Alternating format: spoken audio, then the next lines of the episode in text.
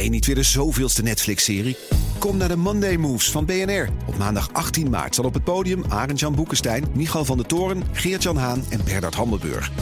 Ze hebben het over geopolitiek. Het is oorlog. Moeten we vechten, vluchten of bevriezen? Onder leiding van mij, Art Rooijakkers. 18 maart dus in het De La Mar Theater in Amsterdam. Check bnr.nl slash mondaymoves. BNR Nieuwsradio. Boekenstein en de Wijk. Hugo Reitsma. De omsingeling van Europa. The fate of the world will soon be decided. Trump in het westen. I think the European Union is a foe. Poetin in het oosten. Chaos in het zuiden. There is a union now. Hoe maakt het oude continent een vuist in een steeds vijandiger omgeving? Uw laatste verdedigingslinie. Arend-Jan Boekenstein. Rob de Wijk.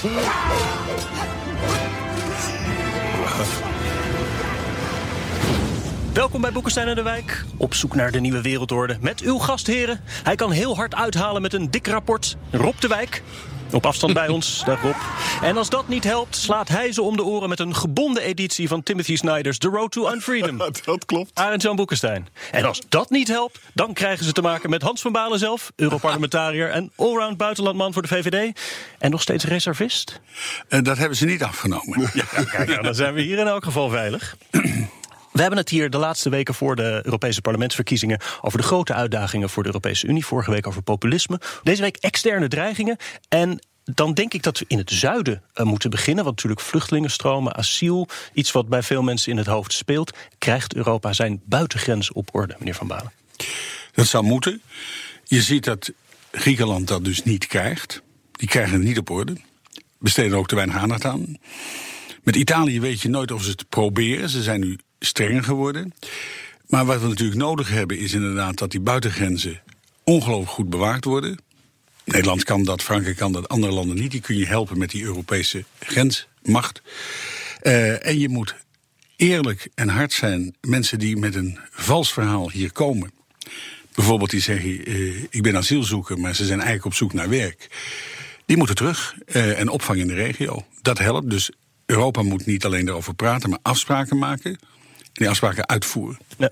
Arjan, migratie, een, een onderwerp waar Europa iets belangrijks kan betekenen voor de mensen? Nou, het is grensoverschrijdend. Dat moet je dus ook grensoverschrijdend aanpakken.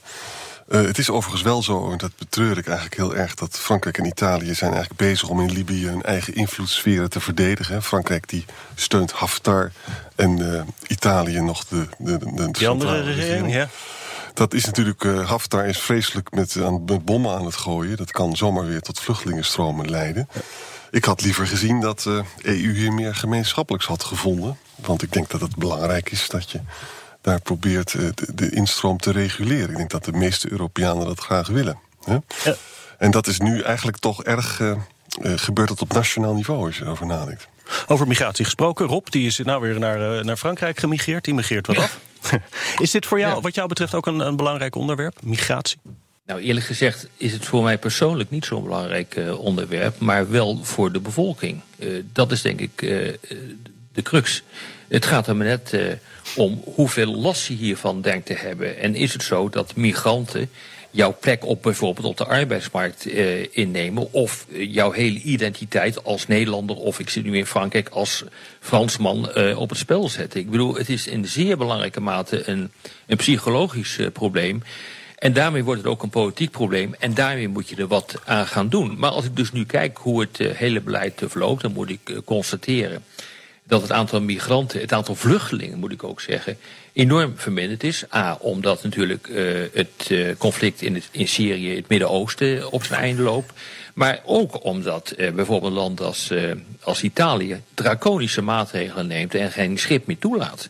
En dat werkt dus kennelijk ook. En je ziet dus nu dat allerlei NGO's ook verdwenen zijn uit de Middellandse Zee. Meneer Van Balen, wat kan Europa meer doen in die regio's zelf? In het Midden-Oosten, in Noord-Afrika. We hadden ooit, geloof ik, een vrij, vrij substantieel, dat heette dan nabuurschapsbeleid. Proberen ja. stabiliteit te exporteren. Daar hoor ik de laatste tijd niet zo heel veel meer over. Gebeurt daar nog wat? Weinig. En wat je ziet, kijk, bijvoorbeeld Marokko neemt niet eens eigen onderdanen terug. Nou, dan kun je als Nederland maatregelen nemen, maar je kunt beter als EU Marokko dan onder grote druk zetten dat wel te doen. En er is best geld wat je kan besteden om mensen daar weer eh, te helpen een bestaan op te bouwen. Uh, dus je moet veel meer doen. Wat Arjan Boekenstein net zei over uh, Libië is natuurlijk... het aantal vluchtelingen zal toenemen. Uh, als het ook beter weer wordt, is het makkelijker die zee over te steken. Dus het gevaar is niet geweken. Hè. Uh, denk er nog aan die periode van Duitsland weer Schaffendas. 1 miljoen vluchtelingen. Uh, maar dat, dat kan weer gebeuren. Het, op dit moment is dat niet het geval, dus je moet echt goede afspraken maken. Als je kijkt naar Libië, ja, liefst altijd samen met Amerikanen. Dat je probeert de boel te pacificeren. Maar die Haftar is natuurlijk iemand, een keiharde man, en die wil de macht. Punt ja. uit. Dan krijg je het cynisme. Ja. ja, misschien als hij wel de zaak onder controle krijgt, helpt dat of helpt dat niet. Uh, maar we moeten in ieder geval die grensbewaking goed op orde hebben. En dan hebben we ook nog Syrië, Idlib. Niemand ja. praat erover, maar daar zitten geloof ik anderhalf miljoen mensen. Wordt nu weer veel gebombardeerd, er wordt dat? En de, de, die kunnen dus zomaar natuurlijk vluchten. Dat moeten ze ook doen, dan zitten in een hele moeilijke toestand. Nou, wat gaat Turkije dan doen? Turkije heeft al 3 miljoen vluchtelingen. Die zou ook kunnen besluiten, nou, ze moeten dan maar doorlopen. Kan zomaar, hè? Ja, en het hangt ook van de relatie Turkije-Europese Unie af. Hè? Want uh, ze gebruiken natuurlijk ja. die vluchtelingen ook als een soort pressiemiddel. Ja. Op dit moment is niet Turkije eigenlijk het grote probleem. Het zijn de Grieken die de zaak niet op orde hebben. Die zeggen, jij mag wel blijven, jij moet gaan. Uh, dus daarom zijn er ook zo, mens, zo weinig mensen die teruggaan via Turkije. Want er zijn afspraken over. Ja. En is een probleem ook dat Europa in het Syrische conflict ja, eigenlijk niks, niks te, te makken heeft, niks te berden kan brengen. Het ligt eigenlijk bij ons om de hoek. We hebben te maken met veel vluchtelingenstromen, maar we kunnen daar niet echt uh, iets regelen. Nee, het ja, en, het Libi ja. en het Libische probleem in belangrijke mate zelf veroorzaakt hebben. Dat mogen we natuurlijk ook even niet vergeten. Ja, met name Frankrijk en Engeland. Maar, ja. maar, wat je ziet, de discussie is natuurlijk steeds: moet je ingrijpen of moet je het niet doen? Helpt ingrijpen of uh, zorgt het voor het tegenovergestelde? Maar ja, ook in Syrië, op een gegeven moment gingen de mensen de straat op. Die zijn niet door ons de straat opgestuurd. Die gingen zelf, die wilden van dat regime af. Uh, en het vervelende is, eigenlijk zou Rusland de Verenigde Staten, Europa bij elkaar hebben moeten gaan zitten in een eerdere situatie. Waar je zegt, wij gaan hier niet een soort groot schaakspel van maken. Maar laten we proberen die crisis uh, in de hand te houden. Dat is niet gebeurd. En de situatie is vreselijk en die is nog niet ten einde. Hoewel de uh, Assad bijna het land onder controle heeft. Daar blijven nog grote problemen die ook naar onze kant gaan. Ja, ik merk dat we een beetje tegen de klok ingaan. We begonnen in Noord-Afrika, Syrië. Nou, Rusland dan maar nemen. U noemde het land al. Hoe groot is dat als externe dreiging voor Europa? Ik vind dat een grote dreiging. Uh, want als je het internationaal recht respecteert, kun je allerlei verschillen van mening hebben. He, maar we hebben gezien de interventie in Oekraïne, annexatie van de Krim. Sommige mensen zeggen ver van mijn bed. Maar ja, als je dit accordeert, zegt prima, dan is dus het gebruik van geweld en andere pressiemiddelen uh, is dan geoorloofd. Uh, het mooiste zou zijn als er met Poetin een vergelijk te maken zou zijn, te beginnen met Oost-Oekraïne. Uh, als gebaar van goede wil. Maar ja, hij biedt nu elke Oekraïner een Russisch paspoort aan. Dus dat is niet een tegenzet tegen de nieuwe gekozen president Zelensky in een positieve zin. Uh, het is moeilijk, want het is een buur, dus je moet ermee samenwerken. Uh, en we hebben de sleutel nog niet in handen, ook Poetin zelf. Ja, maar hier zit, uh, hier zit toch wel een, een heel belangrijk probleem hoor. Ik, ik, was vorige week in, in Rusland en daar begint het, het narratief, het verhaal, toch wel heel duidelijk te worden. Van Balen die zegt net terecht, ja, je moet je aan het internationale recht houden. En terecht zegt hij. Uh, die Krim, dat is echt foute boel. Dat is ook zo. Maar daar staat tegenover, en dat is natuurlijk wat de Russen continu proberen duidelijk te maken. Zij zitten legaal, formeel, volgens het internationale recht in Syrië. Wij zitten daar illegaal. Uh, wij hebben gezegd van wat daar gebeurt kan niet. En dat is een humanitaire ramp en dat geeft ons het recht om daar wat te doen. daar gaan de Russen niet mee akkoord. De Kosovo-oorlog van 1999 is natuurlijk eenzelfde geval. Daar lag geen VN-mandaat aan ten grondslag. Rusland en China die waren er op tegen. Wij zeiden van het is een humanitaire interventie en op morele, ethische gronden mag dat. Hier zit je met een zo fundamenteel probleem dat dat ook niet, niet makkelijk te overbruggen is hoor. Want iedere keer als wij Westelingen komen met. Uh, met de bewering van je moet je aan het internationale recht houden. Dan zeggen ze ja, maar jullie hanteren dubbele standaarden. Kijk eens wat Trump doet op dit ogenblik in Israël door de Golanhoogte te accepteren. En waarom zouden wij dan niet de rechtvaardige en rechtmatige incorporatie van, uh, van de Krim mogen hebben? Ik bedoel, dat maakt het heel erg lastig om een goede discussie met, met Poetin te hebben. Meneer Van Balen, u heeft natuurlijk veel met, met Oekraïne bezig gehouden. Wat zeg je als Europa terug op dit soort argumenten van de Russen? Hypocrisie. Kijk, over elk geval valt iets te zeggen. Over Kosovo en een enorme moordpartij. Ja, moet je dan zeggen, wij kunnen niet opereren. Dat kun je zeggen. Uh, Je kunt zeggen over Syrië, uh, de Russen hebben een titel. Hè, en, uh, die hebben een afspraak met Syrië dat ze daar militair aanwezig zijn. Nou, ja, hoe legaal is dat regime nog? Maar goed, over alles valt wel te zeggen. Nou, legitiem. Het is legaal en legitiem. Het is, uh, nee, daar heb je gelijk in. Het is legaal en het is niet legitiem in onze ogen. En dat is een belangrijk punt, hoor. Dus het is lastig. Maar het beste zou zijn als grote landen, zoals Rusland, Amerika, China, zegt de EU... misschien informeel met elkaar afspreken, zijn grenzen. Uh, grenzen zijn bijvoorbeeld annexaties. Dat, dat, dat kunnen we niet toestaan. Uh, en er zijn helemaal discussies die je kan voeren of een gebied tweetalig is, of dat is wat hm. anders. Maar het is lastig uh, en de meningen verschuiven. Kijk, men zegt ja, de Verenigde Staten. Dan zeg ik, nou, het is niet zo dat alle presidenten van de Verenigde Staten lievertjes waren. Maar je hebt wel een rechtsstaat, je hebt wel een controle, je hebt wel een congres, hm. impeachment. Dus, dus daar is een sterkere democratie. Want in Rusland mis je hem. Ja. Kijk, uh, waar het feitelijk om te doen is, uh, ook bij de Russen, is uh, dit soort vragen worden ook gebruikt en een soort onplezierige vragen en dilemma's die worden ook geschetst om een oplossing te krijgen voor de problematiek in Europa.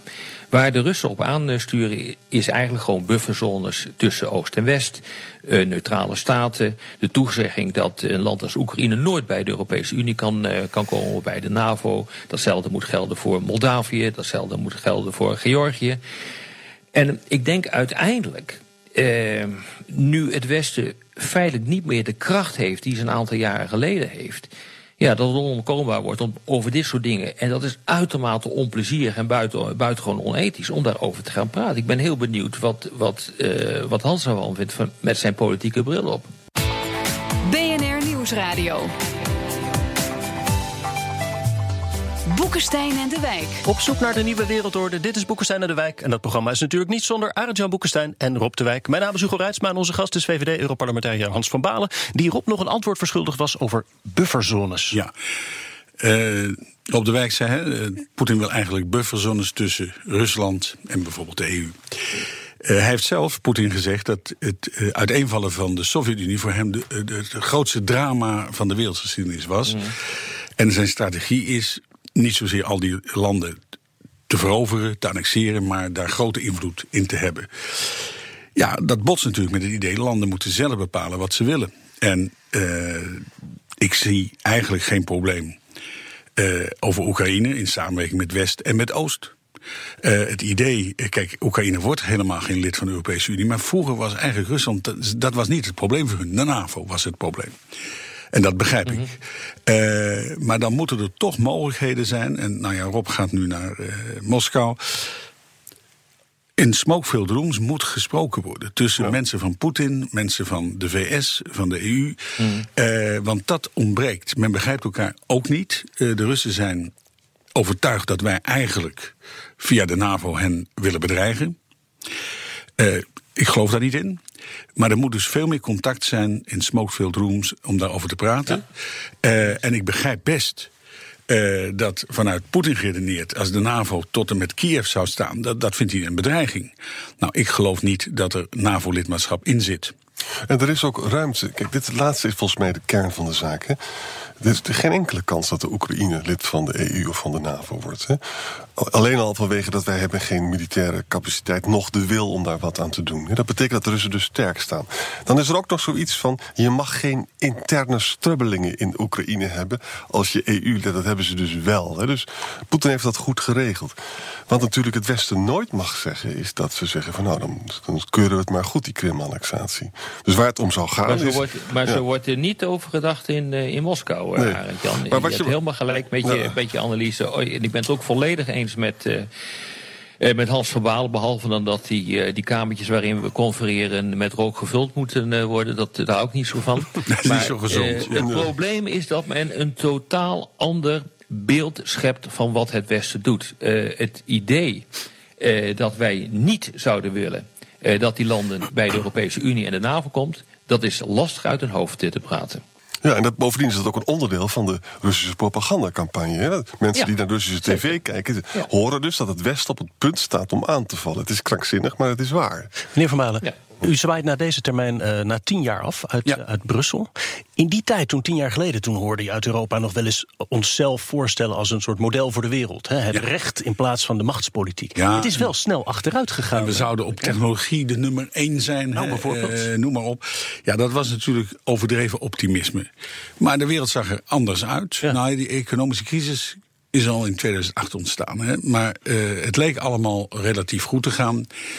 Er waren normale relaties met Rusland en andere landen. Eh, dus de zaak is veranderd.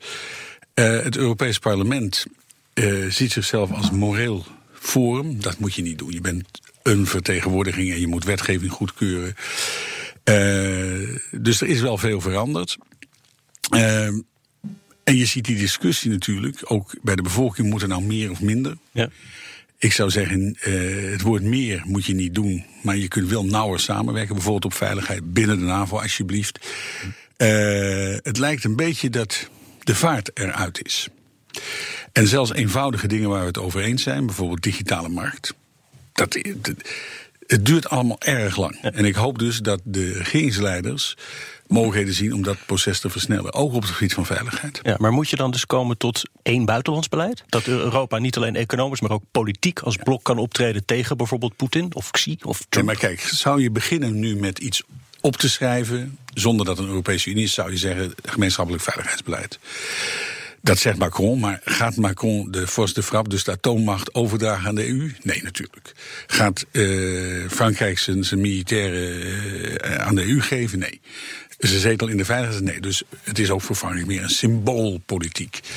Hè, eh, we zullen zo nauw mogelijk moeten samenwerken. En Mark Rutte heeft in een eh, bijeenkomst in Zurich, eh, de Churchill-lezing, gezegd: Nou, op veiligheid zou je met minder consensus toe kunnen. Dus dat je ook met meerderheden gaat stemmen. Nou, maar dat, dat gaat nog lang duren.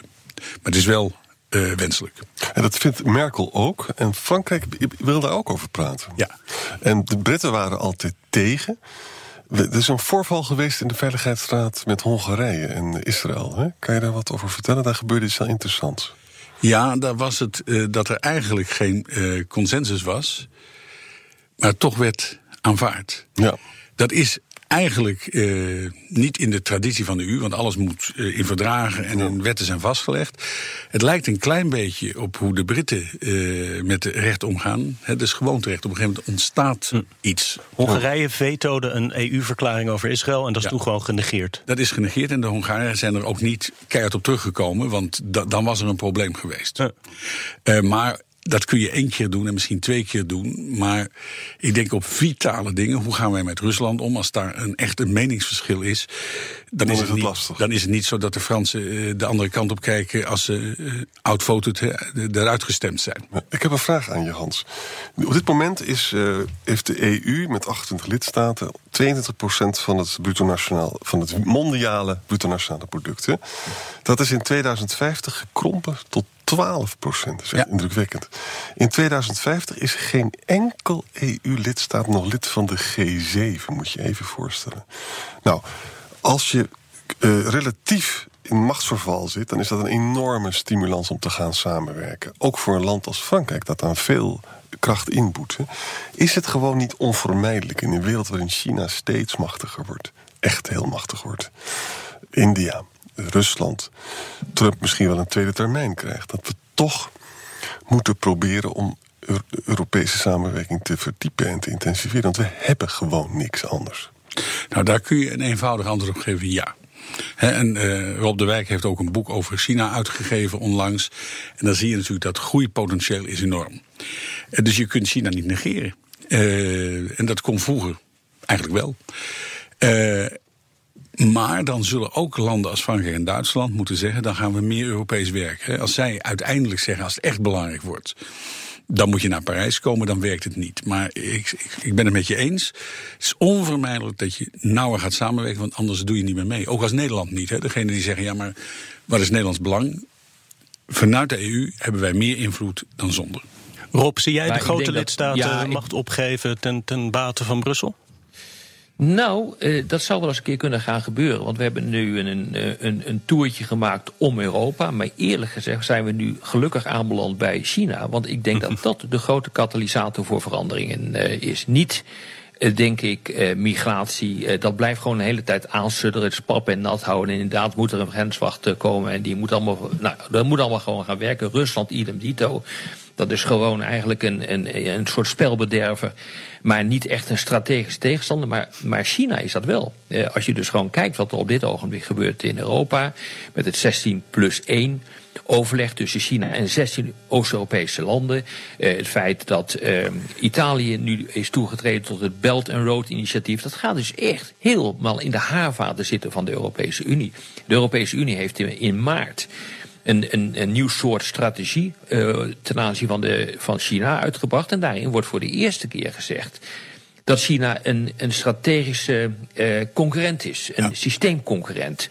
Eh, dat is heel belangrijk, dat is een hele andere taal. En daarin staan ook een aantal aanbevelingen om gezamenlijk eh, toch die, die Chinese druk te pareren. Bijvoorbeeld eh, door gezamenlijk te kijken naar 5G, het nieuwe mobiele eh, netwerk. En gezamenlijk eh, te gaan beoordelen of buitenlandse investeringen, dus ook die van China, eh, veiligheidsconsequenties hebben. Dat is denk ik heel erg goed. En dat zal ook moeten gaan gebeuren, want als dit zo doorgaat met China, dan dondert de hele Europese Unie op een gegeven moment eigenlijk uit elkaar. Omdat landen dan verschillende partijen gaan kiezen. Dat zie je nu al gebeuren, bijvoorbeeld bij een land als Hongarije.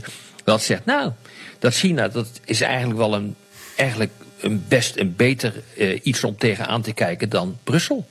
En dat is wel heel erg gevaarlijk. Dus ik denk dat je de komende tijd gewoon juist door, door 5G, Huawei, een enorme versnelling gaat krijgen in de hele discussie over Europa en de Europese integratie. Maar misschien zie ik het verkeerd, Hans. Nee, alleen wat je ziet, het is natuurlijk ook voor Afrikaanse landen. Hè. China praat niet over burger- en mensenrechten. Die leggen een, weg of spoorweg aan, eh, doen dat meestal voor niks, maar wel met Chinese arbeiders. Maar als je dan die boel moet laten renoveren, dan moet je zwaar betalen. Dus Ja. eh, dat is de Chinese politiek. Wat ik als een vraag zie.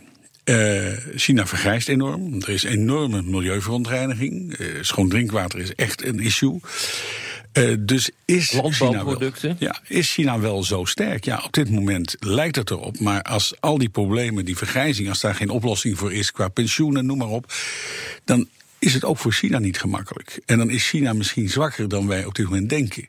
Nou ja, dat is dus, eh, je noemde net dat boek van mij. Dat is precies een van de punten die ik maak. Voor China is het absoluut noodzakelijk om die technologische race eh, te winnen. En die hele economie te herstructureren. Om precies een antwoord te geven op dit soort eh, vraagstukken.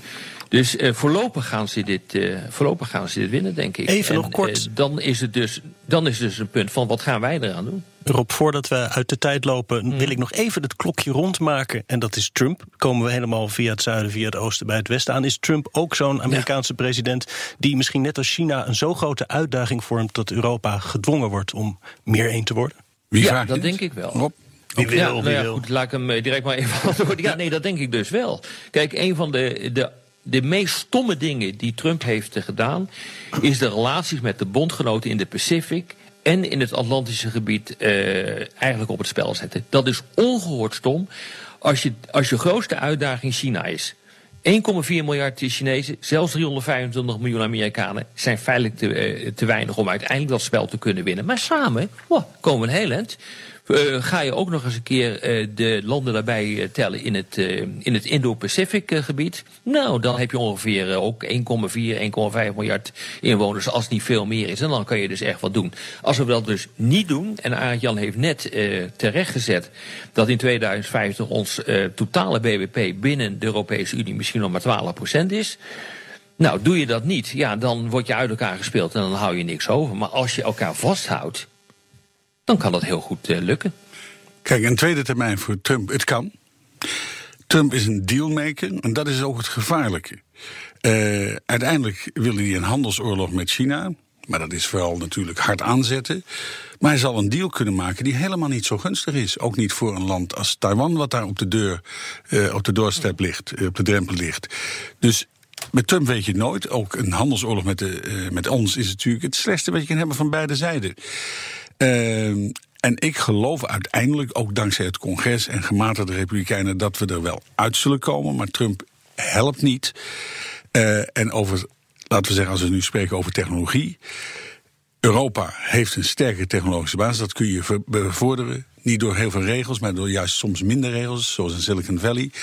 Dus wij moeten in die vaart der volkeren mee. Daar hebben we ook de hersens voor. En de Amerikanen ook. En zo komen we misschien toch nog tot een sterker Europa. dankzij de uitdagingen van China en Trump. Dit was weer Boekestein aan de Wijk. Althans op de radio. Op de podcast gaan we nog even door met luisteraarsvragen. Ik verwijs u naar iTunes, Spotify of uw eigen podcast app. Daar kunt u ook vragen stellen en commentaar kwijt.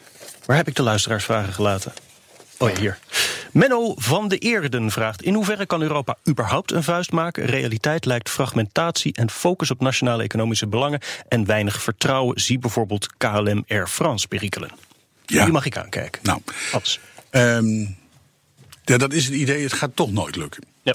ik denk, zoals uh, Boekenstein de Werk ook zeiden op een gegeven moment sta je onder zulke grote druk. Bijvoorbeeld omdat je bruto nationaal product, uh, product slinkt. Uh, of omdat je achter gaat lopen. Of wat dan ook. Uh, dus soms keert de wal het schip. En ik denk op het gebied van de technologie, van de samenwerking... kunnen we in Europa en Amerika veel meer doen. Dus daar ben ik niet negatief over. Alleen, er moet die druk op staan. Die druk staat er nu ook op met China. Nou, we kunnen wel wat. Uh, kijk eens, uh, nou, Rusland. Uh, die is niet blij met de sancties hoor, die we keer op keer weten te, te verleggen naar aanleiding van wat er is gebeurd in de Krim en Oost-Oekraïne. als je kijkt wat de commissie heeft gedaan, tenminste ten aanzien van de, de zuidelijke pijpleiding South Stream, een, een groot project van, van Gazprom. Uh, die is feitelijk om zeep geholpen. Uh, daar zijn ze niet blij mee en zo kan ik nog wel even doorgaan. Dus uh, in het, ook buiten Europa wordt daar vaak anders tegen aangekeken, grappig genoeg, dan in Europa zelf. Nee, neem bijvoorbeeld de handelspolitiek, hè, dat is een gemeenschappelijk belang. Ja. Als je met China gaat onderhandelen namens een grote gemeenschappelijke markt van 500 miljoen consumenten, dan zijn ze wel even stil. Als je alleen maar zou komen. Zwitserland heeft laatst alleen naar China geweest heeft een waardeloos uh, bilateraal verdrag. Want het is maar een heel klein land. Dus al die mensen die dus zoveel kritiek op de Europese Unie hebben... moeten beseffen dus dat handelspolitiek vereist macht. En de EU biedt dat. En in het Azië kijken heel veel mensen met grote bewondering... naar die handelspolitieke kracht van de Europese Unie. Ja, dat is eh, inderdaad grappig. Dat geldt zelfs in Amerika. Dat, uh, het congres wisselt vaak met het EP uit, het Europees Parlement... Uh, dus we worden buiten serieuzer genomen dan binnen. Dat klopt. Mita Groeneveld vraagt: zonder staatsmanschap uitgroeiend boven het nationaal belang komt de EU niet verder. Welke nationale leiders van lidstaten zijn daartoe in staat? Nou ja, ik vind dat je kan zeggen wat je wil, maar Merkel praat. Die vindt dus dat de QMV bij gemeenschappelijk buitenlands beleid, daar trekt ze aan. Macron heeft dat ook een tijdje gedaan. En. Uh, ik vind ook trouwens dat de toespraken van Rutte de afgelopen jaren er ernstig op vooruit zijn gegaan. Ja, maar dat is, dat is, wel zo. Maar dat is het punt niet. Ik vind het altijd zeer bijzonder waarom grote leiders op dit ogenblik niet komen bovendrijven. Waarom komt er hm. niet een Churchill bovendrijven? Kennelijk zitten we in een maatschappelijke, internationaal politieke constellatie waarin dat niet gebeurt. Maar die mensen zijn er natuurlijk wel. Maar waarom komen die niet naar boven? Hans, nou ja, weet jij dat? Ja, mijn vermoeden is, hè, uh, Churchill, als je, nou, je, zult ook de biografie uh, hebben gelezen, mm -hmm. is eigenlijk uh, totdat hij oorlogsleider werd. Niks. Een rare kwast geweest. Die van de ene naar de andere partij lief. Die ook werd, werd, betaald uh, door, door allerlei uh, instellingen. waar je nu van zou zeggen: wilt u nu aftreden? Uh, maar er was een tijd natuurlijk dat mensen ook veel meer geloofden in politieke voor, voorlieden. Uh, dat er allemaal niet werd gezegd, uh, ja maar. Dat was een andere tijd. Daar kon Churchill in groeien. zonder Twitter, et cetera. en nu zie je bijvoorbeeld Macron. ik vind dat hij moedig was, ook in de presidentscampagne, door te zeggen: ik ga hervormen. Hè? Niet daarna, maar ik ga dit en dit en hervormen. Hij is gekozen met een enorme meerderheid. Alleen nu, door de gele vestjes, door allerlei andere zaken, wordt hij heel erg geremd. Eh, ja, dus het is ook moeilijker om uit te groeien tot een stevig eh, staatsman of staatsvrouw. Ik ben het wel met Boris eens dat Merkel eh, is misschien niet de grootste blikvanger. Maar is wel een van de sterkste leiders, omdat ze steeds doorgaat. Een diesel. Ja, is een diesel die niet stopt. Dus ik weet niet wat Merkel gaat doen, maar misschien, gesteld dat zij nou eens de Europese Raad zou voorzitten. Zou zomaar kunnen. Het zou zomaar kunnen en ik denk dat dat verschil kan maken. Ja, denk ik ook. En wie, wie zou er eigenlijk de nieuwe de buitenlandchef moeten worden, wat u betreft? Nou, volgens Frans Timmermans is dat denk ik Frans Timmermans. En volgens Hans van Balen? Ehm, ik denk dat de Christen-Democraten waarschijnlijk toch de grootste fractie vormen. En waarschijnlijk dan toch, dat hoeft niet Manfred Weber te zijn, maar iemand van die familie eh, voorzitter van de commissie zou kunnen worden. Dan moeten we kijken wie is nummer twee. Is dat de alde liberalen plus mogelijk eh, marche van eh, president Macron? Of is dat, zijn dat toch de Sociaaldemocraten? Als de Sociaaldemocraten toch op twee eindigen, wordt er een deal gemaakt tussen Christendemocraten en Sociaaldemocraten. En dan zou Frans Timmermans de beoogd opvolger van Mogherini, dus de buitenlandcoördinator, kunnen zijn. ja, maar dat is wel iemand met een grotere bek, toch? Dat, is, dat zet misschien Europa en, in, wat steviger ja, neer. en in meerdere talen. Hè. Hij spreekt En zijn in talen. meerdere talen. Ja. Joris ten Berg en Arjen Klein vragen nog naar de militaire component. Zou, eh, zeker als Trump nog wordt herverkozen, overleeft de NAVO? Dat is nog een vraag. En moet Europa eigen militaire macht projecteren? En hoe zou dat dan binnen de NAVO moeten? Ja, eigen militaire macht, hè, dat is dat beroemde Europese leger, dat komt er niet. Maar je kunt in Europa wel meer doen. En ik heb het liefst binnen de NAVO, met de NAVO. Eh, maar je kunt meer gericht geld uitgeven, ontwikkelen van materieel. Dat, dat soort dingen kan allemaal wel. En dat is prima om te doen.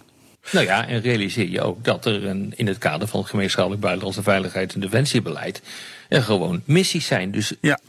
de, de Europeanen doen het al, de EU. Er zijn zes eh, voortgaande militaire missies en tien civiele missies op dit, dit ogenblik. Er zijn pakweg 5000 eh, van die militairen van de Europese Unielanden op dit ogenblik buiten Europa gestationeerd. Dus ik bedoel, het gebeurt wel. En vergeet, je, vergeet niet bijvoorbeeld eh, de operatie eh, die gezamenlijk ook, eh, of eigenlijk bij Toerbut is uitgevoerd voor de kust van Somalië met de, met de NAVO. Eh, daar heeft de Europese Unie een beter, eh, eh, beter werk geleverd, eh, door de bank genomen dan de NAVO. Dus het, het kan allemaal wel. En ja, aan de andere kant zijn het ook gewoon NAVO-middelen die daarvoor worden gebruikt. Frank Noorderbos zegt nog ja, meer samenwerking. Maar de VVD Tweede Kamerfractie lijkt dat niet te willen weten of niet te willen uitdragen. Meneer Van. Nou, als je nou kijkt, er is een Europees verkiezingsprogramma van de VVD. Eh, er zijn de speeches. eh, Mark Rutte is niet in de Tweede Kamer, maar is wel de politieke leider van de VVD. Eh, dan ben ik het met Boekestein eens. Er zijn drie speeches die, die, die echt belangrijk zijn geweest, die Mark Rutte heeft gehouden. Die gesteund zijn door de Tweede Kamerfractie om meer Europees te doen. Eh, aan de andere kant mag je natuurlijk als Tweede Kamerfractie wel kritisch zijn. Hè? Als bijvoorbeeld de discussie over Italië en het stabiliteitspact, de euro. Als de commissie dan niet haar eigen cijfers gebruikt, maar die van de Italianen, dan vind ik het heel goed dat eh, in de Tweede Kamer eventjes de VVD en andere partijen zeggen dat mag natuurlijk niet. Dus je hebt altijd tegenkracht nodig, kritische, eh, kritische opmerkingen. Maar ik zie de drie speeches van Rutte volledig ondersteund door de Tweede Kamerfractie. Ja, maar blijft dat niet een beetje diezelfde spagaat van... Hè, bijvoorbeeld in het VVD-verkiezingsprogramma staat ook bijvoorbeeld... meerderheidsbesluitvorming mag tot buitenlandterrein om meer tot eenheid te komen. Maar ook, het is voor het Nederlands belang. Ja, en Frankrijk gaat voor het Frans belang, Duitsland voor het Duits belang... en zo blijft het een Maar, verdeelde maar Unie. vaak is Europese samenwerking, brengt die belangen bij elkaar. Eh, maar in, natuurlijk, het zou raar zijn als Tweede Kamerleden, leden van de Bondsdag, noem maar op, van de Assemblée Nationale, zouden zeggen: wij kijken niet naar het Frans, Duits of Nederlands belang. Dat zou, dat zou ook niet goed zijn. Eh, dus eh, ik zie nu de VVD die Europese verkiezingen ingaan met een positief programma. Maar je moet altijd kritisch zijn op bureaucratie. Je moet altijd kritisch zijn op het uitgeven van geld. Asmani is eigenlijk behoorlijk pro-Europees als je hem zo bestudeert. Hè? Nou ja, Asmani is nu nog lid van de Tweede Kamer. Heeft daar het plan Asmani gelanceerd. Opvang in de regio van vluchtelingen. Dus die kan wel wat. eh, en die weet ook dat je niet alles alleen kunt. Ja. Dus eh, ik denk dat het een hele goede lijsttrekker is. En ook een goede vertegenwoordiger. Dadelijk in de ALDE-fractie van het EP. Rob, zie jij eh, misschien dus dankzij die uitdagingen zoals China, zoals Trump... het, eh, het goed komen met een sterk Europa in de wereld? Ja, dat weet ik niet. Kijk, je hebt gewoon geen keus. Je moet het doen. Maar dat laat onverlet dat er natuurlijk krachten zijn binnen Europa, binnen alle landen. En dat zullen we straks eh, zien tijdens de Europese verkiezingen, hoeveel dat er eh, zijn. Die Europa willen verzwakken, om zeep willen helpen, die het Europese parlement van binnen willen uithollen. En dus erop, er naar streven om voor mij totaal onheldere, althans niet rationele redenen. Eh, dat Europa, zoals we dat op dit ogenblik eh, kennen, in ieder geval niet verder uit te bouwen. En dat baart me wel met zorgen gezien de enorme uitdagingen die we hebben. Ja. We zijn een mooi, maar toch ook een beetje een raar continent, hè? Wij in Nou, Europa. Maar het interessante is, als je erin zit, kun je niet goed overzien wat er gebeurt. Een uitspraak die wel of niet klopt, is van de Chinese leider Zhou Enlai. Dat hij zei, er werd een vraag gesteld over de Franse revolutie. En toen zei hij, 30 jaar geleden, 40 jaar geleden, het is te dichtbij, te kort af om daar nu een oordeel over te vellen. Het interessante is dat misschien over 10, 15 jaar zeg je van, ondanks alle verdeeldheid, is er dit en dit wel gebeurd.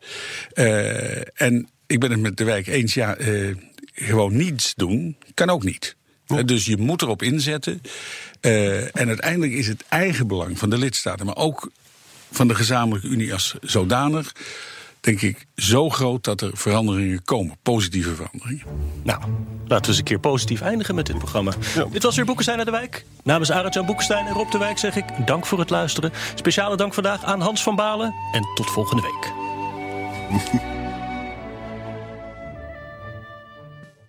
Je hebt aardig wat vermogen opgebouwd.